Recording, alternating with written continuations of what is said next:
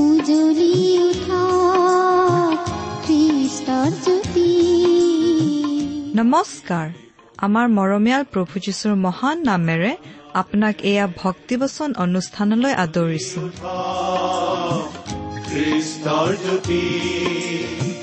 আকাশ বতাহ মুখৰিত কৰি গাঁও মিলি প্ৰশংসা গীতি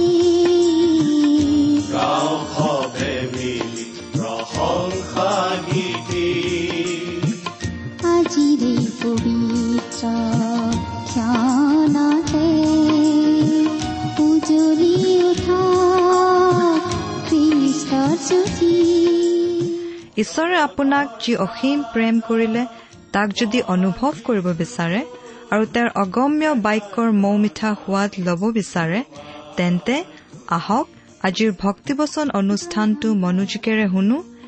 এয়া আপোনালৈ আগবঢ়াইছো ঈশ্বৰৰ জীৱন্ত বাক্যৰ অনুষ্ঠান ভক্তিবচন। আমাৰ পৰম পবিত্ৰ প্ৰভু যীশুখ্ৰীষ্টৰ নামত নমস্কাৰ প্ৰিয় শ্ৰোতা। আশা কৰোঁ আপুনি আমাৰ এই অনুষ্ঠান নিয়মিতভাৱে শুনি আছে। আপুনি যে শুনি আহিছে সেই কথা আমাক জনোৱাৰ মাত্ৰ এটাই উপায় আছে আৰু সেইটো হৈছে হাতত কলম তুলি লৈ এখিলা কাগজত বা এখন পোষ্টকাৰ্ডত আমালৈ দুষাৰিমান লিখি পঠিওৱা। অৱশ্যে লিখিলেই নহ'ব ঠিকনা লিখি পোষ্ট কৰিবও লাগিব। গতিকে অনুগ্ৰহ কৰি আমাৰ ঠিকনাটো লিখি লওকচোন। ভক্তিবচন টি ডব্লিউ আৰ ইণ্ডিয়া ডাক বাকচ নম্বৰ সাত শূন্য গুৱাহাটী সাত আঠ এক শূন্য শূন্য এক। ভক্তিবচন T W R India postbox number seventy Guwahati seven eight one zero' zero' one আমাৰ website W W W dot radio' eight eight two dot com আহকচোন আজিৰ বাইবেল অধ্যয়ন আৰম্ভ কৰাৰ পূৰ্বে আমাৰ মহান পিতা প্ৰভু পৰমেশ্বৰৰ ওচৰত প্ৰাৰ্থনাত মূৰ্ণত কৰোঁ হওক। হে আমাৰ স্বৰ্গত থকা অসীম দয়ালু পিতৃ ঈশ্বৰ তোমাৰ মহান বাক্য বাইবেল শাস্ত্ৰ অধ্যয়ন কৰিবলৈ তুমি আমাক আকৌ এটা সুযোগ দিয়াৰ কাৰণে তোমাক ধন্যবাদ জনাইছো। কিন্তু প্ৰভু তুমি বুজাই দিলেহে আমি বুজি পাওঁ। তুমি দেখুৱাই দিলেহে আমি দেখোঁ। সেইবাবে আহা পিতা তোমাৰ বাক্য আমাক বুজাই দিয়া। তোমাৰ মাত আমাক শুনিবলৈ দিয়া।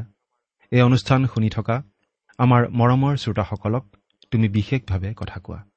তেওঁলোকৰ জীৱনত তোমাৰ আশীৰ্বাদ প্ৰকাশ পাই উঠিবলৈ দিয়া। কিয়নো এই প্ৰাৰ্থনা ক্ৰুচত আমাৰ হকে নিজৰ অমূল্য তেজ বোৱাই আমাৰ পাপৰ প্ৰায়চিত্ৰ কৰি তৃতীয় দিনা পুনৰ জি উঠি এতিয়া স্বৰ্গত তোমাৰ সোঁহাতে বহি আমাৰ হকে নিবেদন কৰি থকা পৰিত্ৰাতা প্ৰভু যীশুখ্ৰীষ্টৰ নামত অৰ্পণ কৰিছো। আহমেন।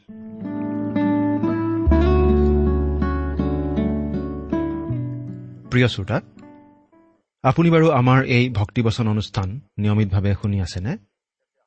যদি শুনি আছে তেন্তে আপোনাৰ নিশ্চয় মনত আছে আমি এতিয়া বাইবেলৰ কোনখন পুস্তক অধ্যয়ন কৰি আছো। কিন্তু আমাৰ কোনো কোনো শ্ৰোতাই হয়তো আজি প্ৰথমবাৰৰ বাবে এই ভক্তিবচন অনুষ্ঠান শুনিছে।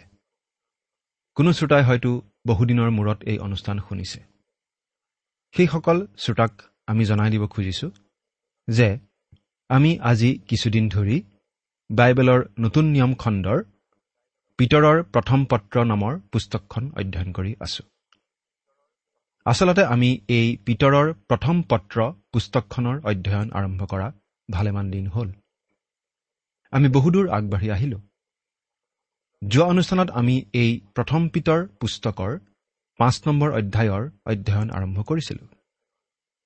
আমি পাঁচ নম্বৰ অধ্যায়ৰ প্ৰথম পদৰ পৰা আলোচনা আৰম্ভ কৰি চাৰি নম্বৰ পদলৈকে আমাৰ আলোচনা আগবঢ়াইছিলো। যোৱা অনুষ্ঠানতেই আমি উল্লেখ কৰিছিলো যে এই পাঁচ নম্বৰ অধ্যায়ৰ মূল কথাখিনি আমি থুলমূলকৈ এনেদৰে ক'ব পাৰোঁ। যে দুখ ভোগ আৰু খ্ৰীষ্টৰ অচিৰেই হ'বলগীয়া পুনৰ আগমনৰ কথাটোৱে খ্ৰীষ্টীয় বিশ্বাসীৰ জীৱনত সেৱাৰ মনোবৃত্তি আশা নম্ৰতা আৰু ধৈৰ্যৰ জন্ম দিয়ে। প্ৰথমৰ পৰা চাৰি নম্বৰ পদলৈ পঢ়া কথাখিনিত আমি পালো যে খ্ৰীষ্টীয় বিশ্বাসীৰ জীৱনৰ দুখভোগে সেৱা আৰু আশাৰ মনোভাৱৰ সৃষ্টি কৰে। এই সেৱা খ্ৰীষ্টীয় মণ্ডলীৰ প্ৰতি কৰা সেৱা। ঈশ্বৰৰ প্ৰতি আগবঢ়োৱা সেৱা। প্ৰভু যীশু যে আকৌ আহিব তেওঁৰ প্ৰচণ্ড প্ৰতাপেৰে এই পৃথিৱীত তেওঁৰ এহেজাৰ বছৰীয়া ন্যায় শাসন প্ৰতিষ্ঠা কৰিবলৈ। সেই কথাটোৱে প্ৰতিজন খ্ৰীষ্টীয় বিশ্বাসীৰ অন্তৰত আশাৰ মনোভাৱ জগাই তুলিব পাৰে। এইখিনি কথা আমি বিশেষভাৱে আলোচনা কৰিলো। আজিৰ অনুষ্ঠানত আমি পাঁচ নম্বৰ অধ্যায়ৰ পাঁচ নম্বৰ পদৰ পৰা আমাৰ আলোচনা আৰম্ভ কৰিম। আপুনি বাৰু আপোনাৰ বাইবেলখন উলিয়াই লৈছেনে? আমি আপোনালোকৰ আগত এই কথাটো প্ৰায়ে কৈ থাকোঁ যে এই ভক্তিবচন অনুষ্ঠান শুনিবৰ সময়ত লগত বাইবেল এখন লৈ লোৱা ভাল কাৰণ এই অনুষ্ঠানটো হৈছে বাইবেল অধ্যয়নৰ অনুষ্ঠান। এই অনুষ্ঠানত আমি বাইবেলৰ পৰা পাঠ কৰি যাওঁ আৰু তাৰ ভিত্তিতেই আমাৰ আলোচনা আগবঢ়াওঁ। গতিকে বাইবেলখন লগত লৈ ল'লে আমি পাঠ কৰি দিয়া কথাবোৰ আপোনালোকে চাই যাব পাৰিব। লগত কাগজ কলম লৈ ল'লেতো আৰু ভাল কথা। কাৰণ কিবা কথা লিখি থ'বলৈ আপোনাৰ মন যাবও পাৰে নহয় জানো? বাৰু যি কি নহওক এতিয়া আমি বাইবেলৰ পৰা পাঠ কৰি দিম অনুগ্ৰহ কৰি চাই যাব। আৰু লগত যদি বাইবেল নাই মন দি শুনিব দেই। প্ৰথম পিতৰ পাঁচ নম্বৰ অধ্যায় পাঁচ নম্বৰ পদটো পঢ়ি দিছোঁ। সেইদৰে হে ডেকাবিলাক তোমালোক বৃদ্ধ লোকৰ বশীভূত হোৱা। এনেকি সকলোৱেই পৰস্পৰৰ হিতৰ কাৰণে নম্ৰতাৰূপ বস্ত্ৰেৰে কঁকাল বান্ধা কিয়নো ঈশ্বৰে অহংকাৰীবিলাকক প্ৰতিৰোধ কৰে কিন্তু নম্ৰবিলাকক অনুগ্ৰহ দান কৰে।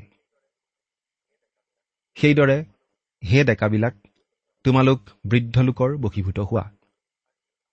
এই কথাটো আজি আমাৰ সমাজত খুব প্ৰয়োজনীয় কথা নহয়নে বাৰু? আজি কথাটো ওলোটাহে হোৱা আমি দেখি থাকোঁ। আজি যেন বৃদ্ধসকলেহে ডেকাসকলৰ বশীভূত হ'ব লাগে। তেনেকুৱা এটা অৱস্থা আমাৰ মাজত হোৱা নাইনে বাৰু? আজি ডেকাসকলে অনাবৰতেই প্ৰতিবাদ বিক্ষোভ আদি কৰি থকা আমি দেখিবলৈ পাই থাকোঁ। ডেকাসকলে আজি কৰ্তৃপক্ষক মানিব নোখোজে। কোনো অনুশাসন মানিব নোখোজে। কোনো নীতি নিয়ম আইন কানুন মানিব নোখোজে। কিন্তু বাইবেলত আমাক অতি স্পষ্টভাৱে কোৱা হৈছে প্ৰতিজন খ্ৰীষ্টীয় বিশ্বাসী ডেকাই এই কথা মনত ৰখা উচিত যে ঈশ্বৰৰ বাক্যত কৈছে হে ডেকাবিলাক তোমালোক বৃদ্ধ লোকৰ বশীভূত হোৱা। বৃদ্ধ লোকসকলে ডেকাসকলতকৈ অধিক কাল এই পৃথিৱী দেখিছে। জীৱনৰ অভিজ্ঞতা তেওঁলোকৰ অধিক ভাল বেয়াৰ জ্ঞান তেওঁলোকৰ অধিক হোৱাই স্বাভাৱিক। বিশেষকৈ খ্ৰীষ্টীয় বিশ্বাসী বৃদ্ধ লোকসকল নিশ্চয় আমাতকৈ বেছি জ্ঞানী আত্মিক ক্ষেত্ৰত এই কথাটো ডেকাসকলে মনত ৰখা উচিত।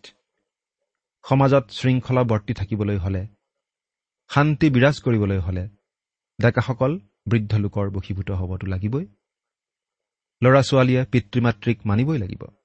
মণ্ডলীৰ নেতা চলাওঁতাসকলক ডেকাসকলে মানিবই লাগিব। এজন লোকে এনেদৰে কৈছিল মই যেতিয়া কলেজলৈ গৈছিলোঁ তেতিয়া মই মোৰ পিতৃৰ কথা আনৰ আগত ক'বলৈ লাজ পাইছিলোঁ। মোৰ পিতৃ যদিও বেছ ধনী আছিল আৰু তেওঁ এটা ভাল চাকৰিও কৰিছিল তথাপি মই লাজ পাইছিলোঁ। কাৰণ তেওঁৰ কথা বতৰা চিন্তাধাৰা অতি আওপুৰণি আছিল। মই কলেজ পাছ কৰি ব্যৱসায়ত ধৰিলোঁ আৰু প্ৰায় দুবছৰমান মোৰ দেউতাক লগেই ধৰা নাছিলোঁ। কিন্তু এবাৰ মোৰ দেউতাক লগ ধৰিবলৈ গৈ মই আচৰিত হৈ গ'লোঁ। মই কলেজত যিখিনি শিকিলোঁ আৰু ব্যৱসায় জগতত যিখিনি ইতিমধ্যে শিকিলোঁ মোৰ দেউতাই দেখোন সেইবোৰ কথা জানেই। এৰা আমাৰ বহুতৰে এনেকুৱা অভিজ্ঞতা হয়। আমি পাছতহে অনুভৱ কৰোঁ আমাৰ পিতৃ মাতৃৰ জ্ঞানৰ মূল্য কিমান তেওঁলোকৰ অভিজ্ঞতাৰ মূল্য কিমান সেই কথা।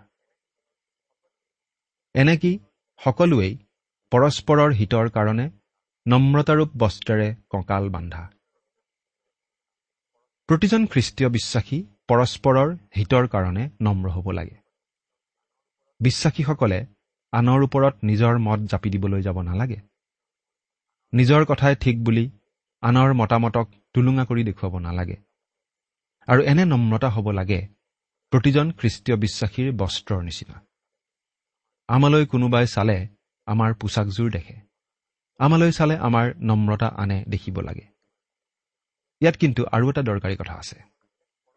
আমি নম্ৰ হ'ব লাগে পৰস্পৰৰ হিতৰ কাৰণে।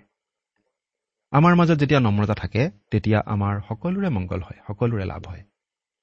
আৰু তাৰ ওলোটাটো হ'লে অৰ্থাৎ আমি যদি নম্ৰ নহওঁ তেন্তে আমাৰ সকলোৰে লোকচান হয়। ইয়াতে আমি মনত ৰাখিবলগীয়া এটা গুৰুত্বপূৰ্ণ কথা কোৱা হৈছে। ঈশ্বৰে অহংকাৰীবিলাকক প্ৰতিৰোধ কৰে কিন্তু নম্ৰবিলাকক অনুগ্ৰহ দান কৰে। পাচনি পিতৰে নম্ৰতা আৰু ঈশ্বৰৰ অনুগ্ৰহৰ বিষয়ে বহু কথাই আমাক জনাইছে। অহংকাৰী মানুহে কেতিয়াও ঈশ্বৰৰ অনুগ্ৰহ উপভোগ কৰিব নোৱাৰে। এই কথা আমি মনত ৰখা উচিত। খ্ৰীষ্টীয় বিশ্বাসৰ মূল কথাই হৈছে নম্ৰতা। কাৰণ নম্ৰ হলেহে মানুহে যীশুখ্ৰীষ্টক ত্ৰাণকৰ্তা বুলি গ্ৰহণ কৰিব পাৰে। কাৰণ মানুহ যে স্বভাৱতেই পাপী সেই কথাটো আমি মানি ল'ব লাগে। যদি কোনোবাই অহংকাৰ কৰি কয় মইতো পাপী নহয় মইতো কোনো পাপ কৰা নাই অমুকাহে পাপী তমুকাহে পাপী মইতো বেছ ভাল মানুহ মই ধৰ্ম কৰ্মত ব্যস্ত থকা লোক গতিকে মোক কোনো ত্ৰাণকৰ্তাৰ প্ৰয়োজন নাই মই ভাল। গতিকে ঈশ্বৰে মোক স্বৰ্গত স্থান দিবই লাগিব। তেনেহ'লে তেনেকুৱা মানুহে কেতিয়াও প্ৰভু যীশুক ত্ৰাণকৰ্তা বুলি গ্ৰহণ কৰিবলৈ আগবাঢ়ি নাহে। গতিকে পৰিত্ৰাণো নাপায়। কিন্তু যি মানুহে কয় মই পাপী আনৰ দেখাত মই বেয়া নহ'লেও মই আচলতে পাপী। মই নিজে নিজক উদ্ধাৰ কৰিব নোৱাৰোঁ। মোৰ পাপৰ প্ৰায়চিত্ৰ মই কৰিব নোৱাৰোঁ। মোক এজন ত্ৰাণকৰ্তাৰ প্ৰয়োজন। তেনে মানুহে প্ৰভু যীশুৰ ওচৰলৈ আহি নম্ৰভাৱে ক'ব হে প্ৰভু মই পাপী। মোক তুমি উদ্ধাৰ কৰা। আৰু তেনেকুৱা মানুহক ঈশ্বৰে অনুগ্ৰহ কৰিব আৰু তেনেকুৱা মানুহেই পৰিত্ৰাণ পাব। আনকি খ্ৰীষ্টীয় বিশ্বাসী হিচাপে জীৱন ধাৰণ কৰোঁতেও আমি কেতিয়াও অহংকাৰৰ ভাৱ অন্তৰত ৰখা উচিত নহয়। আমি প্ৰতিজন খ্ৰীষ্টীয় বিশ্বাসী আচলতে একেই। ঈশ্বৰে অনুগ্ৰহ কৰি ক্ষমাদান কৰা পাপী মাত্ৰ। আন কাৰোবাৰ তুলনাত আমাৰ নিজকে ভাল যেন লাগিব পাৰে। কিন্তু প্ৰভু যীশুৰ তুলনাত আমি পাপীতকৈ অধিক একো নহয়। সেয়েহে আমি নম্ৰভাৱেৰে সকলো বিষয়তে ঈশ্বৰৰ সহায় ঈশ্বৰৰ কৰুণা অনুগ্ৰহ বিচৰা উচিত। নম্ৰ লোককেই ঈশ্বৰে আশীৰ্বাদ কৰে। ছয় নম্বৰ পদটো পঢ়ি দিছো।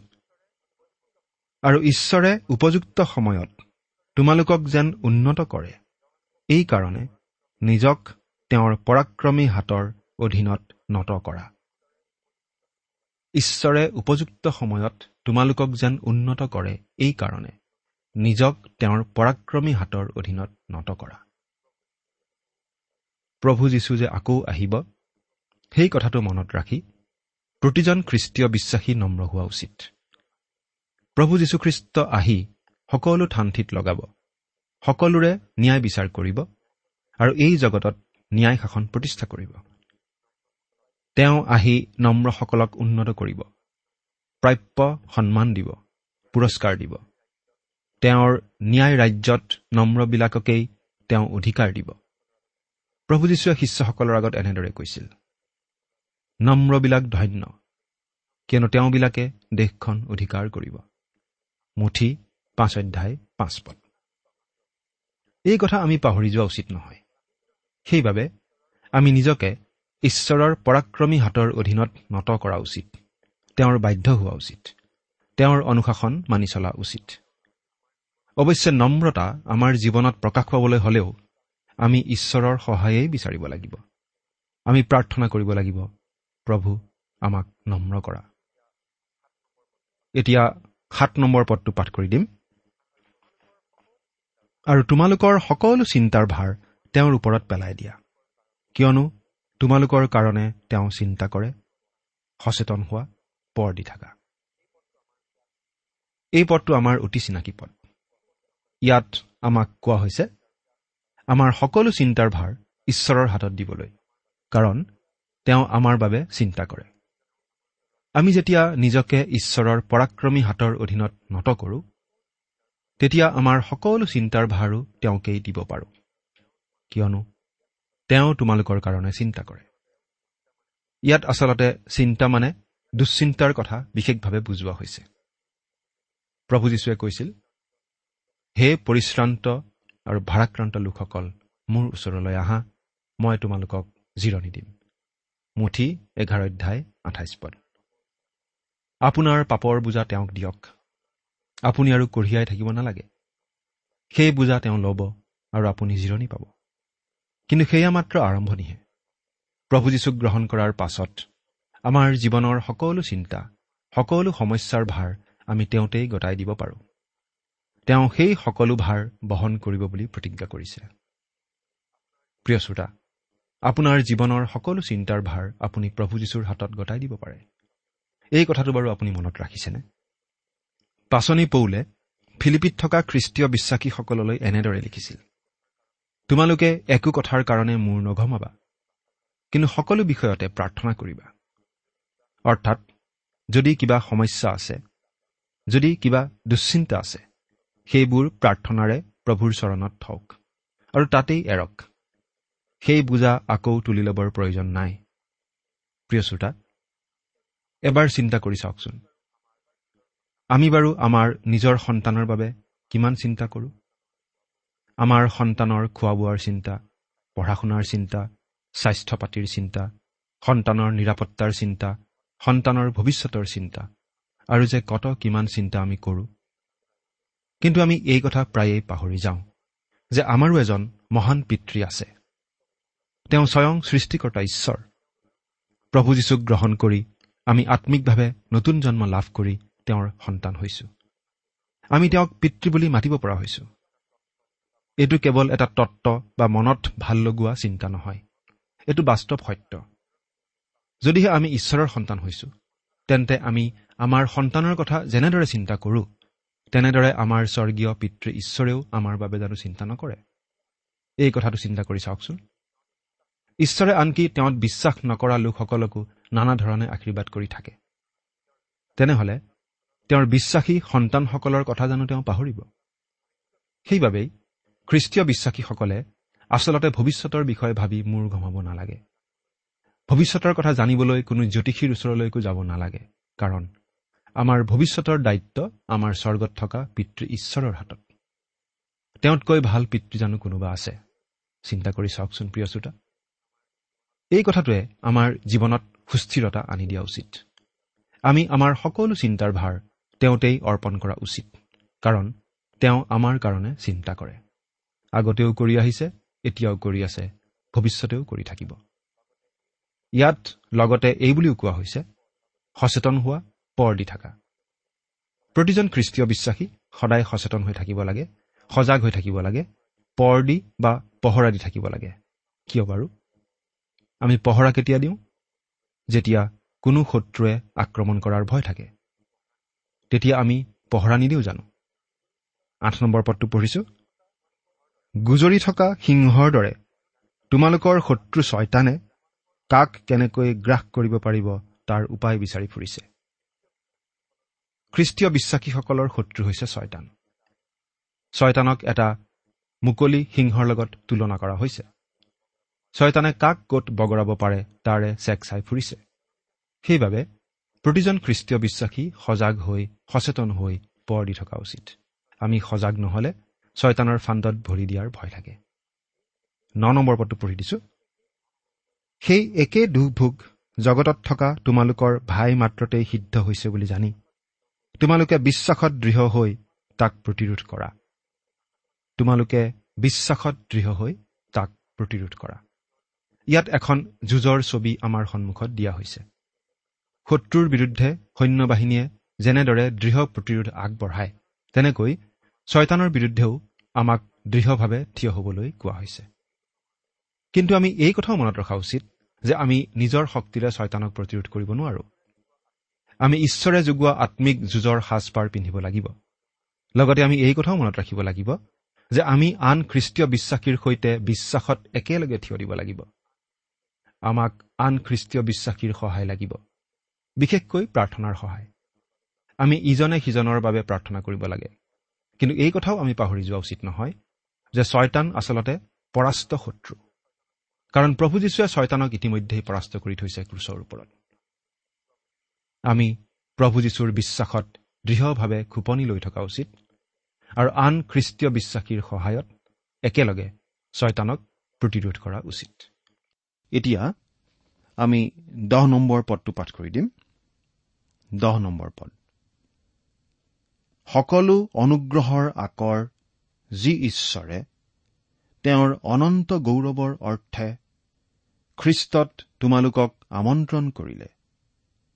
তোমালোকে অলপকাল দুখ ভোগ কৰাৰ পাছত তেওঁ নিজেই তোমালোকক সিদ্ধ সুস্থিৰ আৰু বলৱন্ত কৰিব। প্ৰিয় শ্ৰোতা ঈশ্বৰ অনুগ্ৰহৰ আকৰ। সকলো অনুগ্ৰহৰ আকৰ। আৰু ইয়াত কি কৈছে?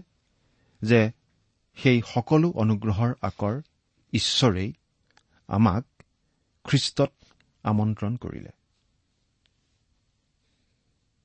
অনন্ত গৌৰৱৰ অৰ্থে তেওঁ আমাক আমন্ত্ৰণ কৰিছে। আচলতে আমাৰ নিজৰ একো নাই।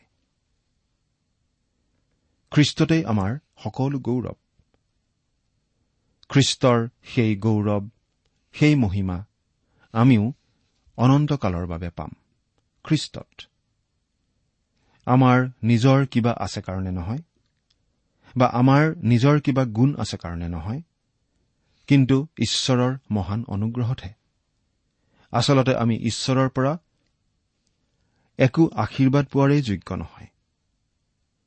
কিন্তু যদিহে আমি প্ৰভু যীশুখ্ৰীষ্টক আমাৰ ত্ৰাণকৰ্তা বুলি গ্ৰহণ কৰিছো ঈশ্বৰৰ মহান অনুগ্ৰহতহে আমি পৰিত্ৰাণ পাইছো। আৰু আমি যদি খ্ৰীষ্টত আছো তেনেহলে ঈশ্বৰৰ মহান অনুগ্ৰহত সেই অনন্তকলীয়া আশীৰ্বাদ আমাৰ বাবে ৰাখি থোৱা আছে। কথাটো চিন্তা কৰি চাওকচোন। প্ৰিয় শ্ৰোতা আজি আমি খ্ৰীষ্টীয় বিশ্বাসী হিচাপে এই জগতখনত নানা ধৰণৰ দুখ ভোগ কৰিবলগীয়া হয়তো হয়। কিন্তু আমি সেই কথাটো মনত ৰখা উচিত যে যদিহে আমি তেনেকুৱা ধৰণে কিবা দুখ ভোগ কৰি থাকিবলগীয়া হৈছে সেয়া কিছুকালৰ বাবেহে। কাৰণ এই সকলোবিলাকৰ মাজেৰে ঈশ্বৰে আমাক অধিক সিদ্ধ অধিক সুস্থিৰ অধিক বলৱন্ত কৰি তুলিব আম্মিকভাৱে যদিহে আমি প্ৰভু যীশুখ্ৰীষ্টত আশ্ৰয় লৈছো তেনেহলে আমি তেওঁতেই সেই সকলোবিলাক আশীৰ্বাদ পাম। এতিয়া আমি এঘাৰ নম্বৰ পদৰ পৰা পঢ়ি দিম। এঘাৰ নম্বৰ পদ। তেওঁৰ পৰাক্ৰম সদা সৰ্বদাই হওক। আমেন। অৰ্থাৎ পাচনি পিতৰে এতিয়া এই পত্ৰখনৰ সামৰণি মাৰিব ধৰিছে। কিন্তু পত্ৰখনৰ সামৰণি মৰাৰ আগতে তেওঁ আৰু কিছু কথা তাত যোগ দিছে।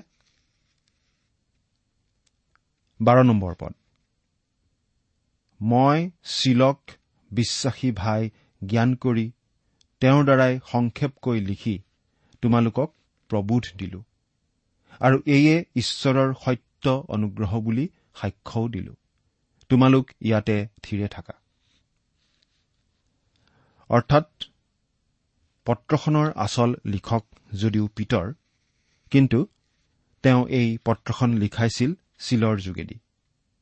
আৰু তেওঁ কৈছে যে সেই খ্ৰীষ্টীয় বিশ্বাসীসকলক প্ৰবোধ দিবৰ কাৰণে তেওঁলোক দুখত থকা কাৰণে তেওঁলোকক সান্তনা দিবলৈ তেওঁ এইবিলাক কথা লিখিছে সংক্ষেপে। আৰু এই যিবিলাক কথা লিখিছে এই সকলো ঈশ্বৰৰ সত্য অনুগ্ৰহ বুলি তেওঁ ইয়াত স্পষ্টভাৱে কৈছে। এতিয়া তেৰ নম্বৰ পদটো পঢ়ি দিছো। তোমালোকে সৈতে মনোনীত হোৱা বাবিলত থকা মণ্ডলীয়ে আৰু মোৰ পুত্ৰ মাৰ্কে তোমালোকক মংগলবাদ কৰিছে। ইয়াত মাৰ্ক মানে হৈছে জোহন মাৰ্ক। তেওঁই মাৰ্কে লিখা শুভবাৰ্তাখন লিখিছিল। আৰু তেওঁক পিতৰে পুত্ৰ বুলি কৈছে। আচলতে তেওঁ হৈছে পিতৰৰ বিশ্বাসৰ পুত্ৰ জাগতিক অৰ্থৰ পুত্ৰ নহয়। চৈধ্য নম্বৰ পদ। প্ৰেমৰ চুমাৰে তোমালোক পৰস্পৰে মংগলবাদ কৰিবা। খ্ৰীষ্টত থকা তোমালোক সকলোৰে শান্তি হওক। খ্ৰীষ্টীয় বিশ্বাসীসকলে পৰস্পৰৰ মাজত মধুৰ ভাৱ বজাই ৰখা উচিত। খ্ৰীষ্টত থকা তোমালোক সকলোৰে শান্তি হওক। এৰা প্ৰিয় শ্ৰোতা খ্ৰীষ্টতেই আমি প্ৰকৃত শান্তি লাভ কৰিব পাৰোঁ। যি শান্তি এই জগতে আমাক দিব নোৱাৰে। প্ৰভু যীশুক গ্ৰহণ কৰি প্ৰতিজন লোকেই সেই শান্তি লাভ কৰিব পাৰে। আপুনি বাৰু সেই শান্তি লাভ কৰিছেনে? চিন্তা কৰি চাওকচোন। ঈশ্বৰে আপোনাক আশীৰ্বাদ কৰক।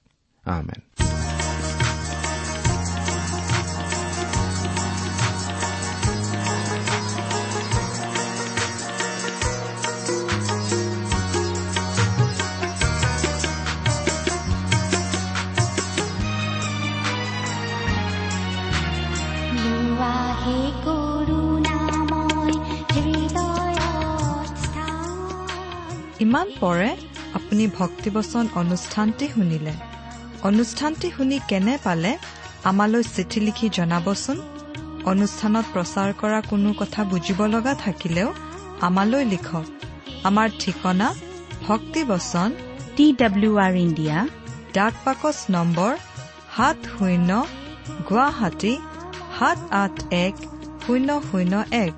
ঠিকনাটো আৰু এবাৰ কৈছো ভক্তিবচন টি ডাব্লিউ আৰ ইণ্ডিয়া ডাক পাকচ নম্বৰ সাত শূন্য গুৱাহাটী সাত আঠ এক শূন্য শূন্য এক আপুনি ইমেইল যোগেৰেও আমাৰ সৈতে যোগাযোগ কৰিব পাৰে আমাৰ ইমেইল আইডিটো হৈছে Assamese T TV at radio' eight eight two dot com আইডিটো আকৌ এবাৰ কৈছো Assamese T TV at radio' eight eight two dot com আপুনি টেলিফোনৰ মাধ্যমেৰেও আমাক যোগাযোগ কৰিব পাৰে আমাৰ টেলিফোন নম্বৰটো হৈছে শূন্য তিনি ছয় এক দুই ছয় শূন্য চাৰি ছয় সাত এক।